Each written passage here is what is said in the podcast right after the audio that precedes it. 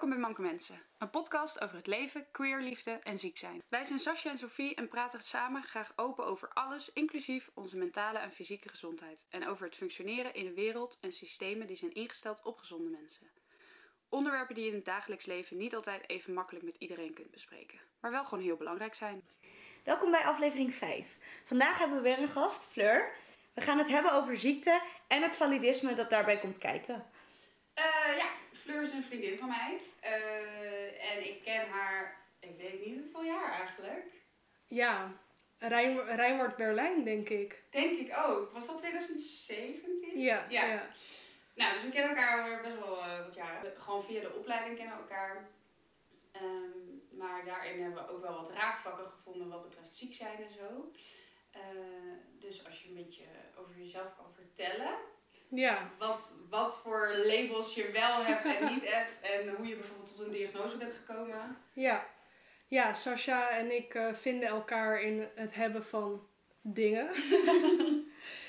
ik heb een, uh, een spierziekte. Dat weet ik nu, denk ik, al tien jaar. Dat is ook wel echt gek om te zeggen, want vroeger zei ik altijd: ik, ja, ik weet het nog niet zo lang en dit en dat. Nu weet ik het echt al tien jaar. En um, dat kwam eigenlijk naar boven. Dus toen ik 13, 14 was. Uh, en ik zat op de middelbare school. En op de middelbare school is gym ineens super serieus. Ja. dus als je niet meedoet, niet je best doet, dan krijg je slechte cijfers of de gymdocent heeft een pik op je. En ik had dus uh, ja, vaak strijd met mijn gymdocent. Omdat zij zoiets had van Fleur doet er best niet. En ik dacht van ja, ik doe het wel, maar het lukt niet op de een of andere manier. En toen uh, we samen tot die conclusie kwamen dat ik het wel wilde, maar dat het niet lukte. Toen zei ze oké, okay, maar dat is niet, dat is niet uh, zoals het hoort. Dus je moet eigenlijk naar het ziekenhuis daarmee. Ja. Toen ging ik eerst naar een fysio om een doorverwijzing te krijgen naar het ziekenhuis. Of om eigenlijk eerst te kijken van wat is er aan de hand. En toen ging hij bij mij kijken en toen zei hij, uh, ja, je hebt eigenlijk een soort abnormale spierzwakte. Ja. Uh, en daar moet je verder naar laten kijken. Nou, en ik woonde toen in een kleiner dorp, dus ik ging eerst naar uh, ons ja, soort van streekziekenhuis. Ja. En die zeiden al, al heel snel van ja, we weten het niet, ga maar naar een um, meer gespecialiseerd ziekenhuis. En dat was de VU. En daar was een neuroloog en die, die herkende het ziektebeeld wel. En die zette mij in een bepaalde, of die had een, een bepaalde spierziekte daarbij in gedachten. En dat heet uh, limb-girdle spierdystrofie. En dat betekent dat je spierzwakte hebt in je ledematen rond je gordel. Dus bovenbenen, bovenarmen. Ja. En um, daarbinnen zitten heel veel verschillende types. En die types zijn afgeleid uh, of zijn gebaseerd op het eiwit in je spieren wat zich niet goed aanmaakt. En wat dus ervoor zorgt dat je soort ongezonde spieren hebt. Yeah. En hij, um, daar, ja, je kan daarmee gediagnosticeerd worden op basis van bloedonderzoek. Dus hij had op één bepaald type wat hij dacht van dat past wel, daar ging hij bloed op prikken. En dat was toen negatief getest. Okay. Maar zo'n bloedonderzoek is best wel duur. Ja. Dus hij wilde na die eerste negatieve test al met mij praten over, ja, wat, wat gaan we nu doen? Gaan we alles aftesten? Wat als je geen diagnose vindt? Ja. Ja. Um, ze waren toen bij letter K. En ze zijn nu al verder dan Z. Dus ze hebben ook weer een nieuw systeem Ah. gevonden. Maar op dat moment, als je in een soort overige groep zat, uh, Ja. zat je ergens K nog verder of zo. Hij had mij toen getest op B en, en wilde toen dus inderdaad al praten over, ja, maar gaan we dit nou nog een keer doen? Het kost heel veel geld. Ja, wat heb je er eigenlijk aan om het echt te weten? Terwijl ik was toen heel erg zoekende wel naar een diagnose. En in mijn hoofd had ik het idee dat dat me wat rust zou geven. Ja, snap ik. En dit was wel een proces van ongeveer anderhalf jaar dat dit zo ging. En toen heeft hij gezegd van, nou, ik heb het nu zo geprobeerd. Dan sturen we je door naar het AMC. En daar deden ze eerst een spierbiopsie. Dus dan opereren ze je en dan halen ze een stukje spier uit je, ja, bij mij uit mijn bovenbeen. En daar konden ze dan het stukje spierweefsel onder de microscoop leggen. Waarschijnlijk de afwijking beter zien. En Ja. vanuit daar nog een keer een bloedonderzoek. En toen was ik positief getest op type 2i. En dat Oh ja. zegt eigenlijk niks, maar dat Nou. betekent dat, je, dat het niet ehm, bij mij is ontstaan, maar dat het erfelijk is. Dus mijn ouders Ja. zijn allebei drager van dezelfde genetische afwijking. En I staat dan voor het, eh, voor het type eiwit wat niet goed wordt, eh, wordt aangemaakt. Dus dat duurde ongeveer anderhalf jaar. En als ik bij het VU was gebleven, dan had ik denk ik veel problemen gehad met die eh, neuroloog om eh, ja, tot, tot een eh, soort eindresultaat te komen. Ja. Maar bij het AMC hadden ze ook een soort van specialistisch spierencentrum en daar konden ze het beter onderzoeken. Ja, ze, hadden ze er ook gewoon meer ervaring mee? Eh? Ja, denk het wel, ja. Maar volgens mij is dat stukje spier van mij uiteindelijk onderzocht in Nijmegen. Oh, Dus nee. in het Radboud ziekenhuis, Dus ja.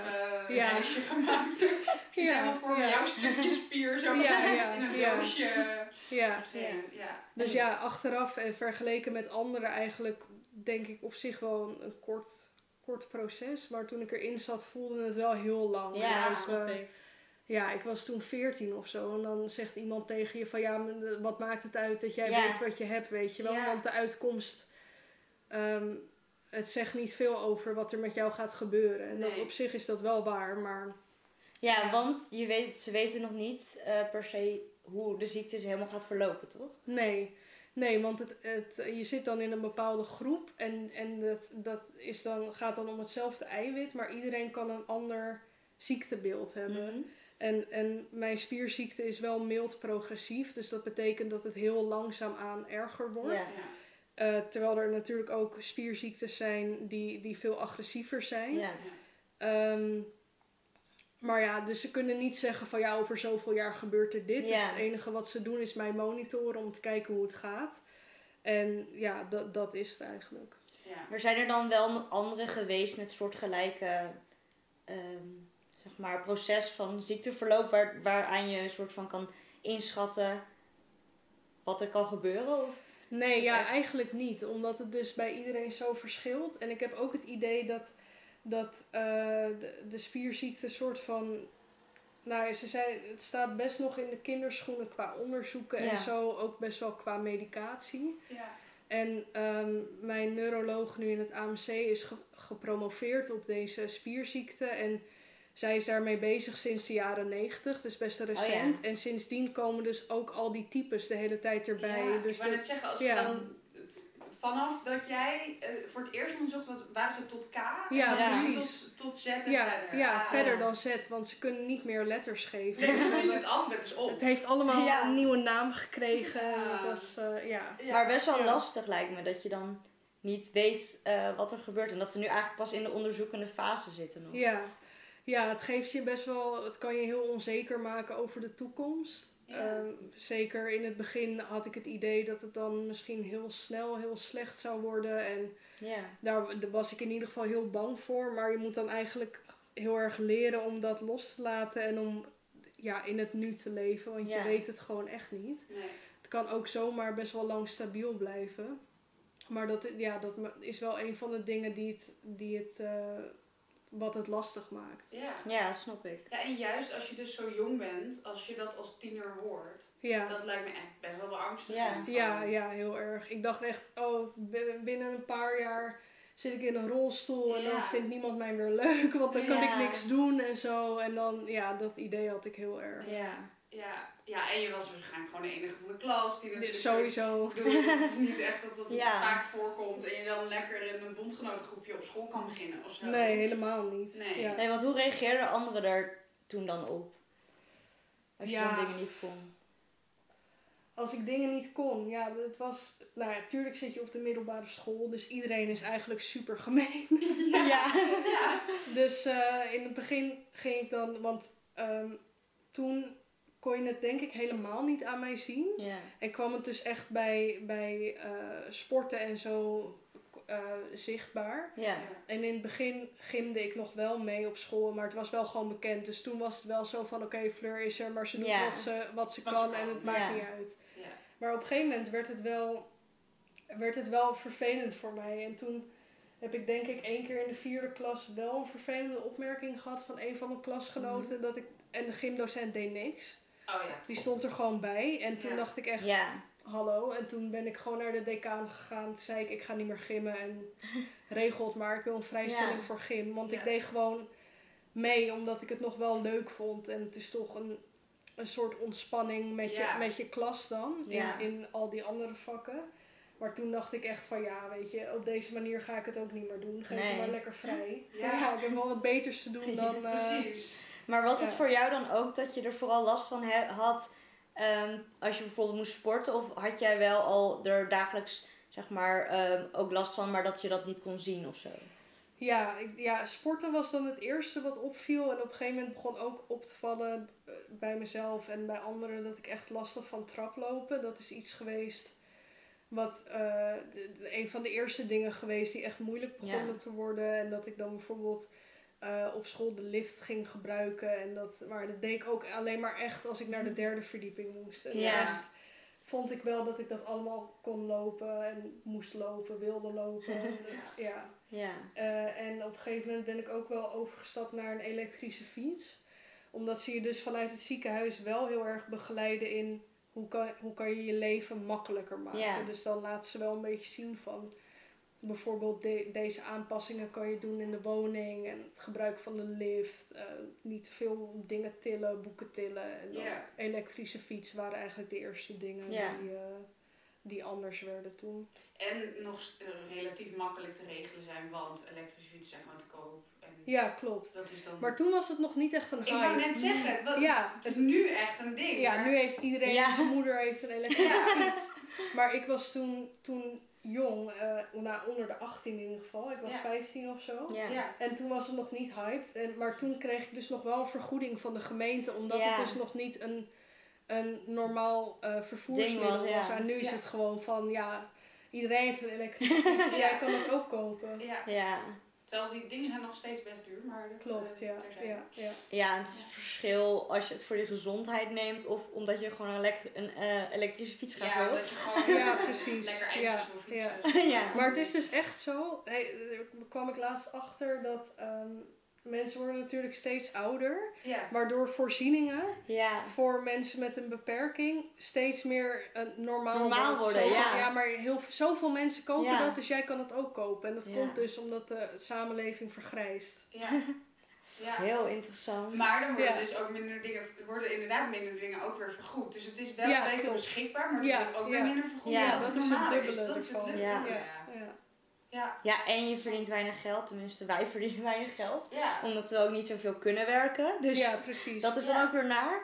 Ja, ja, ik studeer nog wel fulltime, maar ik heb nu ook wel echt een vooruitzicht dat ik denk van ja, als ik mezelf dwing om fulltime te werken, Ja. dan ga ik niet een leuk leven krijgen. Nee. Nee. Dus ik heb voor mezelf ook wel een soort van besloten van dat is niet iets wat ik van mezelf ga Verwachten. afdwingen. Ja, Ja. verwachten, afdwingen. Dus dat is inderdaad wel een toekomst waar je tegenaan Ja. loopt. Van, Ja. eh, dat, je, dat je dan... Ja, eh, want ik kan me wel voorstellen, ik weet niet of dat zo is, dat als jij ergens naartoe loopt, dat dat ook gewoon echt veel energie kost. Waardoor Ja. je gewoon misschien inderdaad minder uren kan werken of zo. Ja. Ja. ja, normaal leven en zeg maar wat, wat iedereen al de hele dag doet. Ja. Mhm. Dat, dat, dat is voor mij eigenlijk al zwaarder. Als je gewoon zit en je gaat opstaan. Ja. Of je, je staat, je bent je haar aan het feunen, weet ik veel Ja. wat. En eh, ja, Ja, precies. Ja. dat kost eigenlijk al meer energie. Wat je eigenlijk gewoon de hele tijd vergeet. Want je Precies. denkt, Ja. dit is mijn realiteit, dus iedereen zal zich zo voelen. Ja. Maar dat is dus helemaal ja, soms vind ik het ook zo bizar om dan te bedenken dat mensen ehm, echt fulltime kunnen werken. Dan denk ik echt, hoe kun jij dit? Ja, en aan de andere kant denk ik ook dat eh, sommige mensen die gemakkelijk zeg maar, door het leven zijn gegaan vanwege gewoon een makkelijke gezondheid en Ja. dat dingen, dat je dan dus inderdaad bij andere dingen die er ook weer echt toe doen, misschien minder stil kan staan. Ja. Dat Ja, je nu keuzes moet maken. En Mhm. inderdaad, wat je zegt, ga dan dat niet van mezelf afdwingen. Dus ik ga Ja. goed kijken naar wat me wel een leuk leven geeft in plaats Ja, van inderdaad, ik ga gewoon ja. fulltime werken, want zo Ja. het. Ja, precies. En ik heb zelf sowieso ook het idee dat we gewoon het afgelopen jaar wel steeds meer leren van... Oké, dit willen we met onze energie doen. Ja, heel En dat erg. is iets wat ik met mijn leven wil, waar ik blij van word, inderdaad. Ja. En dat je gewoon veel meer ook kleine dingen kan, kan waarderen dan, ehm, dan wanneer je alles heel makkelijk kunt of zo. Ja, dat is echt zo. Dat vind ik ook een van de positieve dingen Ja. van corona en de lockdown. Dat ik voor mezelf gewoon heb ervaren van dat, dat ik gedwongen soort van rustig aan moest doen. Samen met de rest van de wereld. Ja. Wat het voor mij ook wat makkelijker maakte. Ja. En, en dat ik dan dacht van, oh, maar als ik dus niet eh, van mezelf vraag om al deze dingen te doen, dan kan ik ook voor mijn plezier even gaan Ja, wandelen. of En heb je gewoon ruimte Ja. om Ja. andere Ja. ja. Dat is wel. Ja, ik weet dat ook nog toen. eh, ik heb dus eh, anorexia gehad, dus ik mocht een hele tijd niet, eh, niet wandelen en ik mocht niet fietsen en zo. En de eerste keer dat ik dus weer mocht fietsen, zeg maar, gewoon naar school, dat was echt een soort van een best blij moment in Ja, mijn jaar ja, toen. En ja. juist omdat je dan zo gewend bent dat je dat niet meer kan of niet meer mag, dat dat, dat soort simpele dingen dan ineens heel mooi zijn of zo. ja, klopt. Ja. Ja. Terwijl nu haat je nog steeds fietsen. Ja, en nu, nou, gewoon weer terug, ik ben er maar- terug bij af, maar... Misschien moet je weer even pauze nemen. Ja, Eh, ja, ik was dus ook 15 toen ik mijn elektrische fiets ehm, kreeg. Maar die hebben mijn ouders toen wel helemaal zelf betaald. Omdat ik dus weet Ja. dat mijn arts op dat moment dus heel erg zei... eh, eh, maar je moet vooral nog zoveel, zeg maar alles wat je nog normaal kan doen, moet je vooral ook echt doen. Terwijl ik dan dus dacht, ja, maar dat betekent dus wel dat ik eigenlijk dus minder naar school kan als ik normaal ga fietsen, zeg maar. Omdat me Ja. dat dan alweer te veel uitput. Dus Maar dat is eigenlijk een raar advies. Want Ja. juist, kijk, als je zou zeggen, ik ga nu niet meer fietsen, snap ik dat hij dat zegt. Maar ja, de elektrische fiets Ja. zorgt er juist voor dat je het wel kan doen. precies. Ja. Zonder dat het te En dat je ergens naartoe kan. Ja, ja. ja. En het was dus juist omdat ik het nog wel heel graag wilde, Ja. maar het niet meer op de uh, reguliere manier lukte, dat ik dacht, ja, dan wil ik in ieder geval opties creëren of zo. Een, Ja. een mogelijk, Maar ik denk ook gewoon creëren. van artsen die zeggen dan heel erg, oh ja, je moet dit doen of je moet gewoon gaan of je moet, het is goed om in beweging te blijven. Terwijl ik dan denk, ja, je weet toch zelf uiteindelijk het beste, kun je het zelf aanvoelen van wat lukt me wel en niet en wat geeft me, zeg maar, wat kost me te Ja. veel energie of zo. Dus, Ja, dat vind ik wel slecht advies. ja. Ja, ja. ja.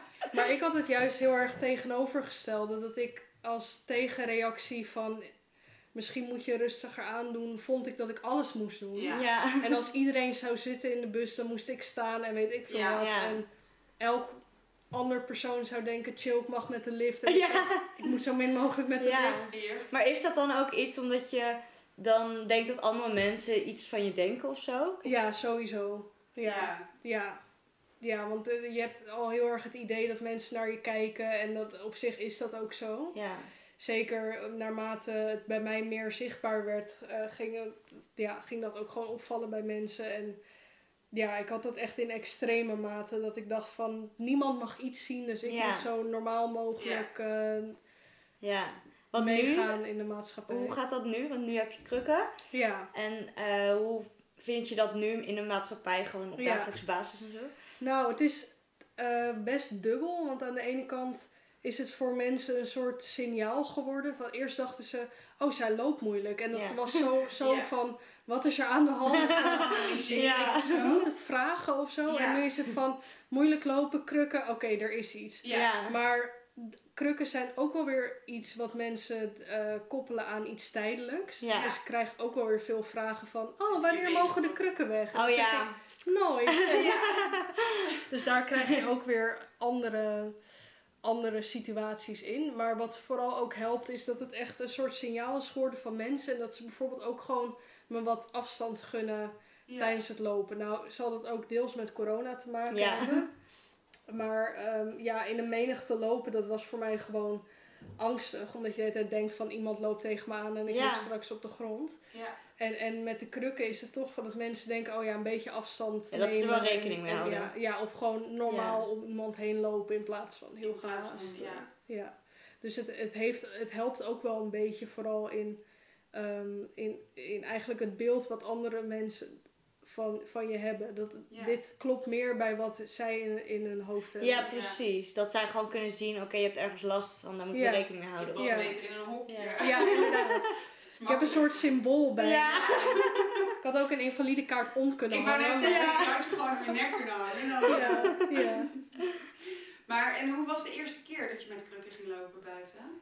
Ehm, Want je hebt daarvoor geoefend bij je... ja, in het ziekenhuis. En, Ja. en dat was eigenlijk voor mij een hele fijne ervaring, omdat ik dus veel meer stabiliteit ervaarde. En, en dat ik toen ook eigenlijk dacht van, oh, dit, dit wil ik zelf echt. Dus Ja. het is me niet opgelegd van, ga dat nu maar doen. Maar het was meer van, we kunnen het proberen. En toen had ik een soort openbaring van, oh, ik hoef niet zo bang te zijn tijdens het lopen. Ja. En toen had ik in het begin nog wel dat ik dacht van ik wil samen met iemand naar buiten. Ja. Want ik was wel een beetje bang voor wat er, wat er zou gebeuren. Ja. Je denkt natuurlijk van ik maak iets meer zichtbaar. Dus dan gaan mensen daar ook eerder op reageren. Ja. maar het Ja. was dus eigenlijk het tegenovergestelde. En toen, eh, ja. Ja, maar in, in het begin wilde ik dus wel liever met, met iemand samen. Zodat ik dacht van dan kan ik me gewoon daarop focussen. En dan kan iemand vervelende mensen bij mij weghalen. Ja, Ja. Nee, Ja, ik zou me ook wel, kan me wel voorstellen dat je dan ook echt heel kwetsbaar voelt of zo, dat iedereen het kan zien. Ja, ja. Ja. Zeker omdat ik iemand was die, die het wel altijd soort van wilde verbergen Ja. of zo. Ja. En ik had zelf niet eens door dat het eigenlijk zonder de krukken ook al zo zichtbaar was. Ja. Je ziet jezelf nooit lopen Nee. Nee, Ja. alleen als eh, Emily filmt. En dan, eh, ja, inderdaad. Tijdens studiereisjes. dan, Precies, eh, super confronterend. ja, en toen dacht ik ook, eh, en toen was ik voor het eerst samen naar buiten. En toen eh, zei ik ook van, ja, wil je me even filmen? Want ik wil een soort van naar mijn ouders laten zien van, het, het gaat goed met me of zo, het lukt goed. En toen, eh, en toen zei diegene ook van, oké, ik, ik ga je nu ook filmen zonder krukken, want dan kan Ja. jij even het verschil, Verschil, zien. En ja. toen dacht ik echt van, wow. Wow. Ja, Ja, dus Ja. Die, die, die meer, die stabiliteit die ik voelde, die zag, zie je eigenlijk ook gewoon ja. Ja. tijdens het lopen. Oh, dat is wel fijn dat het echt eh, Ja. zoveel baat heeft. Ja, ja. Want heb je er eh, soms last van dat, dat je het idee hebt dat mensen je dan zielig vinden? Of mensen op een bepaalde manier naar je kijken of praten? Mm, Nee, ja, nee. Ik heb niet echt het idee dat mensen me heel zielig vinden. Ik heb eerder het- bijna het idee dat mensen het onderschatten. En dat is eigenlijk gek dat ik dat zeg, want ik heb zelf natuurlijk heel hard meegewerkt aan dat beeld creëren. Ja. Dat mensen het Ja. gaan onderschatten. Ja, dat herken ik wel. Ehm, ja, ik heb niet echt het idee dat mensen me zielig vinden. Soms is, ja. Ja, je hebt natuurlijk altijd de ervaring als je wel eens in een rolstoel zit, dat je ineens niet meer een aanspreekbaar persoon Ja. bent voor de Ja. buitenwereld. Ja. Ja. En dan, eh, maar goed, dat moet je ook zelf in de hand houden eigenlijk. Nou, dat is fijn. Want Ja. Ja, ik heb dat soms wel gehad. Dat ik dan gewoon dacht, oké, mensen zien mij gewoon, vooral als ze me niet goed kennen, van... Ja, dat zielige, depressieve meisje, daar praten we maar niet tegen. oh ja. Die kan niks ja. aan, weet je wel. Ja. En dat Ja. komt natuurlijk ook wel eens bij fysieke dingen voor. Dat ze dan Ja, denken, ja. eh, Ja, ik heb misschien soms eerder het idee dat, dat mensen me dan misschien eerder inschatten als een zwak, zwak persoon of Ja. zo, omdat mijn lichaam ook zwakker is. Ja. Ja. En dat is iets wat ik soms wel merk, niet omdat mensen dat direct tegen me zeggen, maar gewoon Nee. een beetje in, ja, ik weet niet hoe er wordt gekeken of, of Ja. dingen die je dan via via hoort. En dat, dat vind ik op zich wel naar, want Ja. het is niet, eh, ja, je lichaam is een soort omhuls, omhulsel en er Ja. zit gewoon iets in. Ik bedoel, ja. Maar Ja. je- jouw brein eh, Ja. kan nog heel veel aan. Ja. En Ja. Je hebt gewoon je eigen mening en je bent heel erg je eigen persoon. Alleen dat, dat vergeten mensen dan misschien soms omdat ze zien, oh, je hebt een Het gaat fysiek lichaam. goed of Ja, zo. ja, Ja. ja. fysiek, eh, Ja. fysiek eh, laat, laat het je in de steek, maar dat Ja, zegt helemaal niks op Nee. intellectueel niveau. Maar wat je zei inderdaad, dat soms dan mensen niet tegen degene in een rolstoel praten, terwijl diegene... Oh my god. Gewoon kan praten. hoi! Ja, ik heb dit echt te vaak meegemaakt. Ik heb, ik heb het sowieso meegemaakt eh, zonder dat ik in een rolstoel zat, maar bij de kinderarts was. En toen was ik al 14 of 15. En dat die kinderarts maar tegen mijn moeder bleef Ja. praten. In Ja. plaats van dat ze mij gewoon direct aansprak. Nou, Ja, dat is al zo'n klein voorbeeldje dat je denkt, waarom neem je niet een puber die gewoon voor zichzelf Ja. kan spreken, is gewoon serieus. Maar inderdaad, Maar ook ik- gewoon volwassenen inderdaad. ja, maar als ik nu ook in een rolstoel zit, dan, Ja. soms gaan wij wandelen en dan ga ik in mijn rolstoel.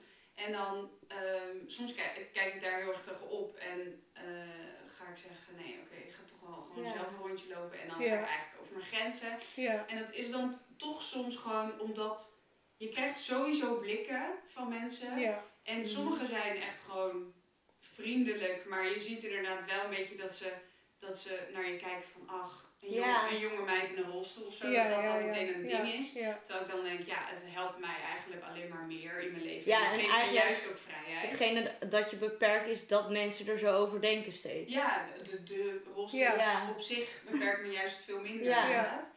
Maar inderdaad ook dan in, in pretparken of zo, dat dan... ehm, want dan mag je via de, via de achteruit, eh, in- Ja. eh, achteruitgang. Ja. ehm, ga je er dan in vaak. En dat dan sommige mensen eh, bij de achtbanen en zo, die spreken je gewoon direct aan en die Ja. zeggen, joh, wat wil je, wat Ja. zal ik doen, kun je er zelf uitstappen. Ja, En dat- precies. Ja. maar sommige mensen gaan het dan dus vragen aan degene die Ja. met je mee is. En dan denk ik, ehm, Je bent gewoon volwassen. ik- Ja, ja, Ja. ja. maar weet ik Ja. zelf beter Ja, natuurlijk wat, wat, wat je handig wil. is om te doen. Maar, ehm, want hoe ervaren jullie dat dan met bijvoorbeeld ongevraagde hulp of zo? Van, ik hoor wel eens dat dat echt heel irritant kan zijn. Dat kan ik me ook wel voorstellen. Ongevraagde hulp, ik wil er wel even iets over zeggen. dat moet je eigenlijk nooit doen. Want Nee. Soms eh, ben ik bijvoorbeeld, als ik ehm, aan het zit en ik moet opstaan, dan gaat dat moeilijk voor mij. Ja. Maar als iemand heeft dan eerder een reflex om mij bij mijn arm te Ja. pakken. Ja. Terwijl ik steun op mijn arm en, en ik moet kracht halen uit mijn benen.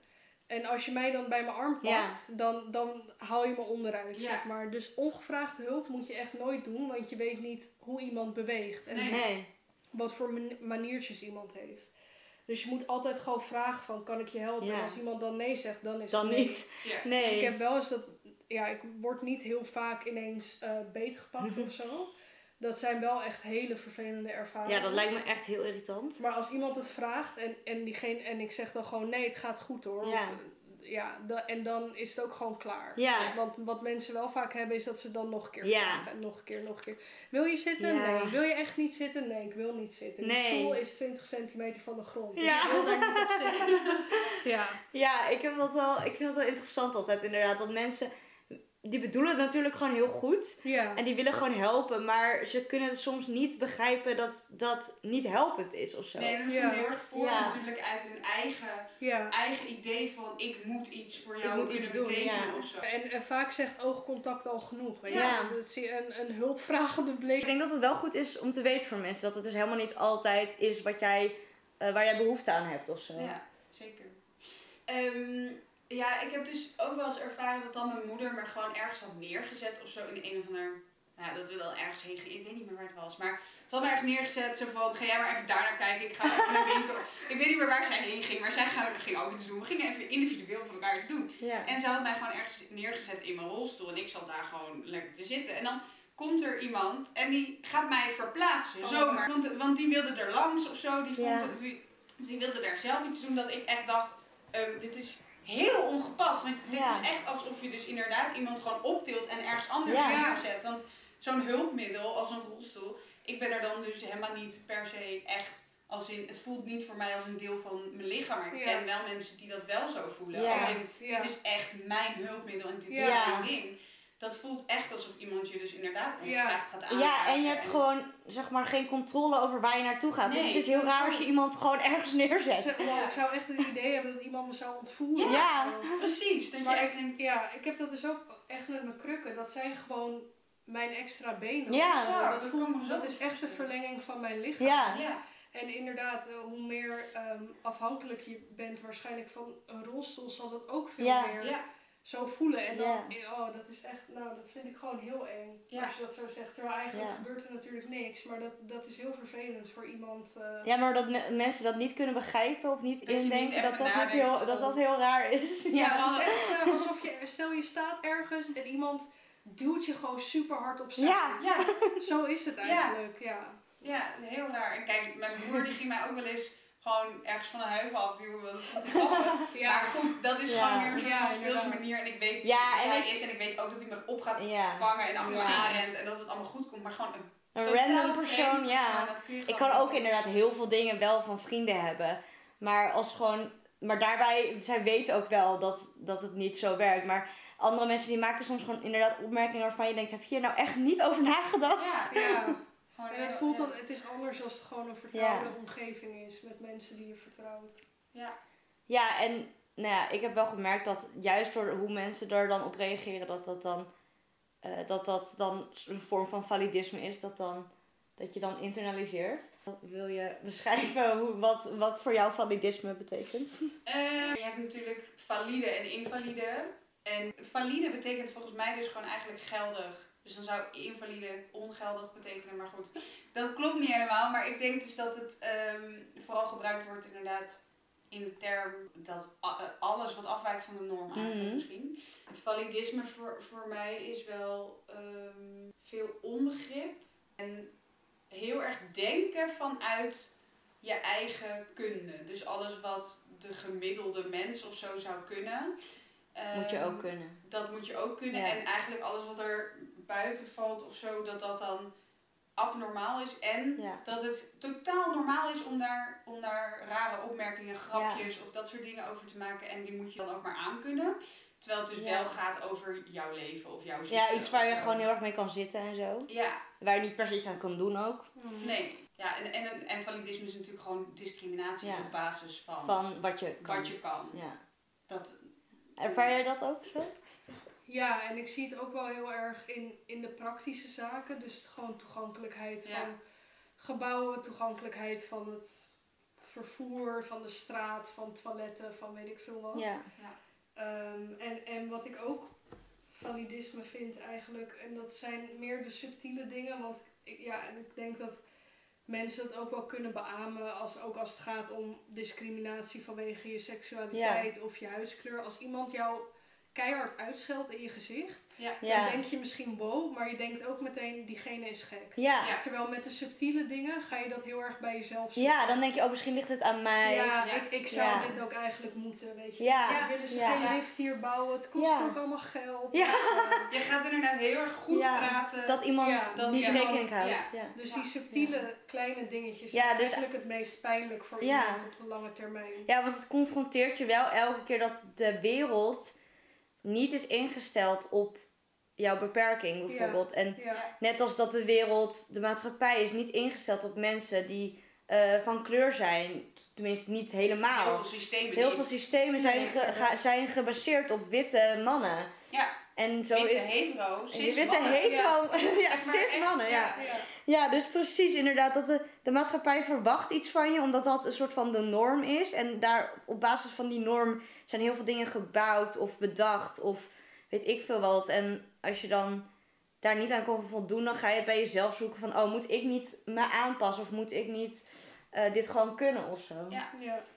En wat ik er ook wel bij vind horen is eigenlijk dat als je dus ehm, een ziekte hebt wat zichtbaar is aan, aan de buitenkant Ja. van je lichaam, dat eh, je ook altijd maar moet verantwoorden wat je hebt. of Ja. zo. Ja, Ziek. Mensen terwijl dat is heel dat ze- persoonlijk. Ja, mensen vinden dat ze het recht hebben om jou altijd Ja. op elk moment, of ze je nou kennen of niet. Ja. En vooral eigenlijk als ze je niet kennen. Want Ja. als ze je wel kennen is het echt helemaal niet erg als Dat je er naar over Ja. Nee. Maar gewoon vreemde mensen eh, die te, on, te pas en te Ja. onpas je willen lastigvallen en willen vragen wat je wel niet hebt. Ja. Of waarom je zo raar loopt of zo. Ja.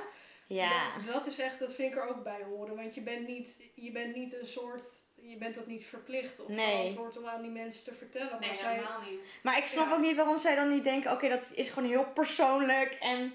Plus, wat, wat heel veel mensen ook niet beseffen, is dat er veel medisch of wat voor trauma Ja. dan ook aan, aan kan. Ja. zitten. Ja, En ja. dat het best een gevoelig onderwerp is Ja. om over te praten. Dus Ja. Maar ik heb soms ook wel dat, dat men, het uiterste, dat mensen dan weer, of tegenovergesteld, dat mensen dan dus denken, oh ik durf er niks over te vragen, dus dan gaan ze alleen maar heel raar kijken of, of zo. Dat ook. Via via vragen. Sta er niet naar mensen die er anders uitzien. Nee. Echt hardop. Ja. Iedereen die ik ken zou altijd mogen vragen: waarom loop je met krukken? En Ja. Ja. weet ik veel wat. Ja, precies. Eh, Maar inderdaad niet, waarom loop je raar? Dat is een nee, hele ja. rare vraag. Waarom loop je zo moeilijk? Ja. Ja. Ik loop makkelijk. Ja, precies. ik makkelijk Ja, precies. Ik vind dit... Dat is relatief. Inderdaad. Dit dit- nee, maar dat gewoon. En ik denk dat je het ook best wel aan kan voelen in een, Ja. eh, in een gesprek. Dat lijkt gewoon. me ook. Ja, en gewoon iemand als een gelijkwaardig persoon blijven behandelen. En niet zo Ja. van, jij Inderdaad. hebt iets, dus nu eh, praat ik er niet meer over. Want Ja. Ja, nee, ik heb inderdaad ook dat. Ik, had al, ik heb dit vooral op stages en zo gehad, dat ik dan dus eh, minder stageuren liep. En soms vertelde ik dan gewoon alvast even uit mezelf waarom dat dan was, om mijn energie te verdelen en dat soort dingen. Ehm, maar ik merk ook dat dat wel een soort van zelfbescherming is, omdat Ja. ik dan denk, ik ga het gewoon zelf alvast vertellen. Ja. Ja. Eh, terwijl ik kan ook gewoon zeggen, ik loop ehm 12 uur in de week stage Ja. ehm, hier. Want ja. Zeg maar, Ja. meer dan dat hoef ik helemaal niet uit te Ja. leggen. Maar ik denk ook dat inderdaad ook weer een stukje is, inderdaad, de maatschappij verwacht dat je het uitlegt. Want Ja, dat had dus ik dan ook, ga ik het maar alvast inderdaad. uitleggen. Ja, want dat ik nu, ik ga nu dus ook mijn stage ehm, langzamer lopen, zeg maar. En dan krijg ik meteen de vraag, ja, maar wat ga je dan zeggen als ze op de sollicitatie, tijdens de sollicitatie vragen waarom jij een ander traject loopt? Of eh, zeg maar, er wordt ook verwacht dat ik daar een goed antwoord op heb, zeg Ja. maar. Ja. Terwijl jij kan toch gewoon eh, aangeven, Ja. ik wil graag 16 uur per... Ja, per en daardoor had ik zelf inderdaad weer het, het gevoel van, ook moet dit verantwoorden, ik moet een goede reden hebben. Ja. Ehm, en vinden Omdat mensen dit wel goede reden? Gewoon, omdat Ja. ik er maar eh 16 uur per week wil zijn. Ja, precies. Ja. Ik heb andere dingen. Ja, precies. Maar Ja. inderdaad, dat je dat wel weer op jezelf betrekt. Van, oh, ik zou ook een goede reden moeten hebben. Ja, Ja. Terwijl er zijn ook gewoon opleidingen die helemaal niet verwachten dat je fulltime stage Nee. loopt. Of die zeggen, kom ook maar twee dagen in de week naar school. En dan kan het niet eens. Dus, nee. Er ja. zijn zoveel redenen inderdaad te bedenken. Ja. Maar aan de andere kant, want ik, ik ben dan wel echt iemand die eerst zou zeggen, eh, of zou, dan zou liegen van, oh nee, maar dat moet van school. Oh, ja. Dus Ja, ja, ik ik, heb dat echt wel moeten leren ook om eerlijk te zijn. Omdat je eigenlijk anders de hele tijd met een soort groot geheim Ja. bij je loopt. ja, en dat voelt ook niet goed. Ja. Want Ja. dan leef je ook niet echt. Ja, terwijl het is niet Nee. een geheim. waarheid. Het is niet iets wa- of iets wat je geheim hoeft te houden. Nee. Maar je wilt gewoon dat, dat mensen inderdaad, als je het dan vertelt, dan gewoon nog steeds normaal doen. En dat doet gewoon niet iedereen. Dat is het Dat probleem, is- denk Nee, ik. dat is wel Ja. waar. Er Ja. zijn natuurlijk ook wel eerdere ervaringen Ja. die maken dat je ergens de behoefte Ja. voelt om over te liegen of het Ja. te verzachten. Of- Daarom. ja. Ja, precies. Ja, ja. Ja. Dus conclusie is, doe gewoon normaal. ja. ja, wel gewoon een beetje sociaal en invoelend. Maar ja, soms denk ik ook weer, ja, sommige mensen hebben die capaciteit dan weer niet. En dat Nee, kan, dat kunnen kun ze je ook niks aan doen. Maar goed, hè. Ehm, Maar inderdaad, Ja, oké, maar ja. geen impertinente vragen stellen aan vreemden lijkt me echt... ja, Ja, goeie wel tip, tip. Dat is echt regel nul gewoon. ja. Nou, trouwens, ik vind het van kinderen ook niet zo erg. Want ik heb wel eens vragen Nee, gehad van niet. kinderen. Helemaal als ik dan opstond uit mijn rolstoel om naar de wc Ja. te gaan of zo. Ja. Dat dan zo'n kind vroeg, huh? Kan jij Ja. lopen? Ja. Dus ik dan uitleggen van ja, soms wel, soms niet. Ja. kost voor mij gewoon heel veel energie. Dus Maar ik denk ook juist dat het heel goed is inderdaad om kinderen dan al te leren. Oké, mensen, sommige mensen in een rolstoel kunnen helemaal niet lopen. Ja. Sommige mensen kunnen af en toe lopen. ja. En dat Ja. zij dat gewoon leren, zodat de nieuwe generatie gewoon meer, gewoon niet zo'n eentonig beeld heeft van ja, bijvoorbeeld iemand die een ziekte heeft of zo. ja. Dat is ook echt een, een ding Ja. wat, waar, je veel, waar ik veel tegenaan loop. Er is niet één soort persoon met een handicap. Nee. Eh, dus dus eh, niet, niet elk invalide toilet past Zeker. op elke invalide. Nee. Nee, En, precies. ehm, ja, daar, daar wordt helemaal niet over nagedacht. Nee. Nee, en het is ook niet eens dat je dan altijd, net als wat jij hebt, zeg maar, dat, eh, dat je de ene dag gaat het veel beter en de andere dag gaat het veel slechter fysiek. Dus dan kan het inderdaad dat je de ene dag wel, het wel lukt met je rolstoel of niet lukt, weet je wel. Ja. Dus Ja, dus Ja. inderdaad juist belangrijk dat, dat kinderen ook zien van, oh, dat is niet... één Je zit ding. niet geplakt in Ja. de rolstoel, Nee. je kan er ook uit. En Ja. er Ja. zijn meerdere... ehm, Ziektebeelden of zo. Ja, precies. Ja. Ja. Dus dat, dat moet ook gewoon een beetje genormaliseerd Ja. worden. Zeker. Gehandicapt is niet rolstoel. ehm, bij mij is het ook zo spierziekte, does not equal rolstoel. Weet je. Ja. je kan ook, ik heb heel lang gewoon het niet geweten, gewoon zelfstandig kunnen lopen. Ja. En dat was echt de grootste error in mensen hun hoofd. Ja. Ja. ja. van he, maar jij was als kind, Ja. liep jij, rende Ja. jij, eh, Ja. deed je dingen. Ja. En eh, ja. Ja, maar ook inderdaad dat mensen dan, als ik dan zeg dat ik ehm, eh, depressief ben of zo, dan, dan zeggen ze, oh ja, maar dat kan je helemaal niet zien of zo. Dan denk ik, ja, Ja. hoe ziet dat eruit dan? Oh, maar je lachte net nog. Ja, precies. Nee, maar mijn nicht heeft dat oprecht te horen gekregen. Dat zij woonde toen dus in een studentenhuis. En ehm, dan zei ze, nou, ik kom niet, e- niet samen gezamenlijk eten, want nou, ja, ik voel me niet zo goed of whatever. Ja. Want zij had dus ook een depressie. En dat ze dan zeiden, ja, maar gisteren ging jij nog eh, met je vriend eten. En dan denk ik echt, ja, Dit is, ja, Oh, dit is trouwens wel een ding wat ik dus ook heb geïnternaliseerd in ieder geval. Want Ja. gisteren gingen wij dus naar een terrasje. Ehm, en dan zit ik dus op dat terrasje en dan denk ik, ja, ik zie er heel normaal uit. Ik eh, Ja. doe normaal. Zeg maar, ik, Ja. ik, doe- ik, ik zit gewoon gezellig met jou eh, iets te drinken en een spelletje te spelen en zo. En dan voel ik me bijna een fake. Omdat ik dan denk, ja, en dan loop ik hier straks het terras af en niemand heeft dan door. Terwijl aan de ene kant vind ik dat ook heel chill soms, omdat ik dan denk, ja, even geen blikken en even geen. Maar soms denk ik dan, dan voelt het bijna alsof ik dat dan niet mag en kan Ja. doen. Gewoon lekker ontspannen, omdat ik dan Mhm. denk, ja, maar ik had ook nuttigere dingen in deze tijd Ja. kunnen doen. En volgens mij moet ik mijn leven dan beter indelen. Maar, Ja, inderdaad. dat soort dingen gaan allemaal in, me, in om. Dat Ja. ik dan denk, ja, maar misschien doe ik ook gewoon niet genoeg mijn best. Misschien Ja. had ik nu wel mijn studie kunnen afmaken in die tijd dat ik op het randje Ja, had. precies. Ja. Ja. Ja, en dat komt gewoon allemaal doordat mensen dan één beeld hebben. En dan denken, oké, jij bent ziek, dus al je tijd gaat daar naartoe. Dan moet je al je tijd naar besteden. Ja. En als je dan iets leuks doet, dat is zonde. Want eh, Ja, in die tijd had ja. je iets nuttigs kunnen doen Ja, of en je zo. staat jezelf bijna Ja. geen, geen eh, pyjama dag of gewoon Ja. een ontspannen dag eh, toe. Omdat, omdat je dan denkt, ja, maar de- al die andere dagen die ik nodig heb om te rusten, zijn eigenlijk al dat. Terwijl je dan natuurlijk Ja. dan echt rust om fysiek eh, op te laden. Ja. En andere dagen rust om ook gewoon mentaal nog een beetje leuk te hebben. Ja, want het is ook niet oké als je zeg maar nooit meer naar het terras kan. En dat je dan met al je energie zeg maar alleen maar werk aan het doen bent. Wat Ja. uiteindelijk helemaal niet het doel van het leven is. Nee, inderdaad. En dat heb ik wel een beetje jaren soms gedaan. Ja. Ja. Ja, inderdaad. Je denkt, eh, ik moet al mijn energie steken in, in doen wat iedereen doet of Ja. zo. En, Ja. en daar komt Maar de rest heeft nog tijd voor leuke dingen over. net zeggen, want de rest doet ook ja. terrasjes. En de rest gaat eh, Ja. ook, zeg Ja. maar, Ja. soms gewoon even Netflixen, eh, terwijl je Ja. eigenlijk zou moeten studeren. Ja. Maar ik, ik heb die ruimte, voor mij voelt het niet alsof Nee, er is ruimte niet zoveel kiezen. Ja, Ja. En, en het is, uiteindelijk is het jouw energie en jouw tijd. En die mag je gewoon zelf indelen zoals je wil. Je kunt niet je leven alleen maar ziek zijn, zeg maar. Dat het enige is dat er is of zo. Nee, Nee, dat- precies.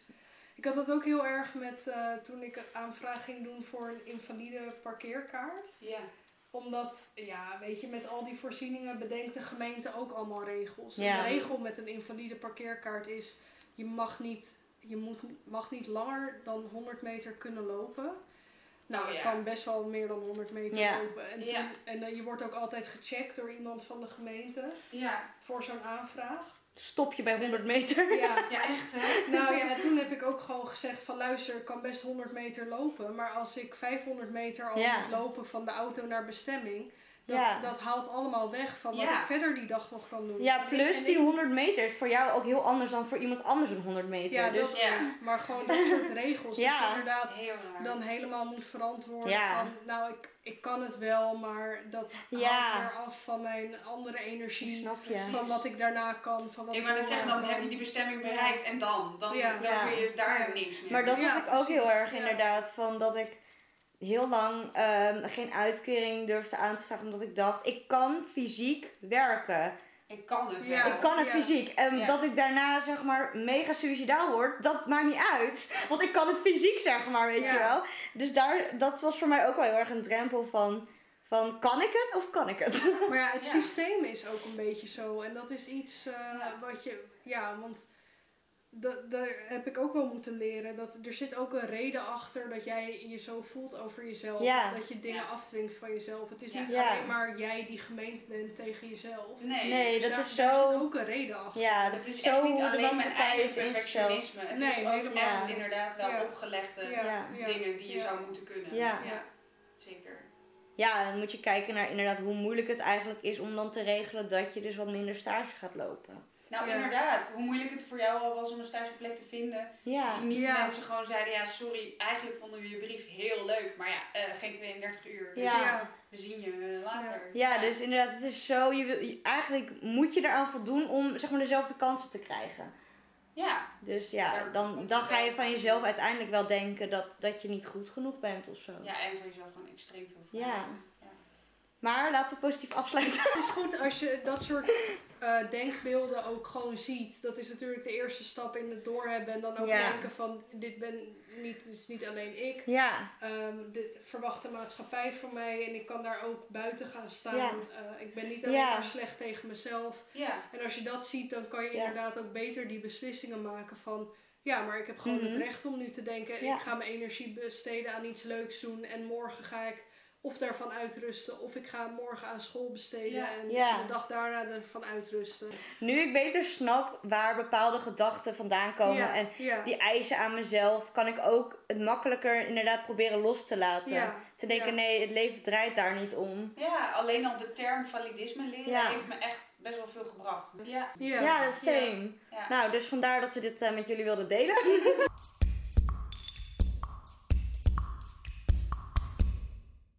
Ik heb wel een tip, maar ik heb wel iets gekozen wat eigenlijk alleen is voor mensen met een beperking. Ja, Dus dat is prima. ja, Ja, nee, goed. En dat ze het Instagram-account, ik weet het niet uit mijn hoofd, maar het heet Neo Walking Sticks volgens mij. Ja. En dat is dus een vrouw die maakt hele hippe eh, eh, wandelstokken. Maar ook gewoon doorzichtig, in kleuren, Oh, lichtgevende. Oh, En dat, ik vind dat echt geweldig. Ik kan ze zelf niet gebruiken, dus ik hoop heel erg dat ze Mhm. ook ooit krukken gaat Ja. ontwerpen. Ja.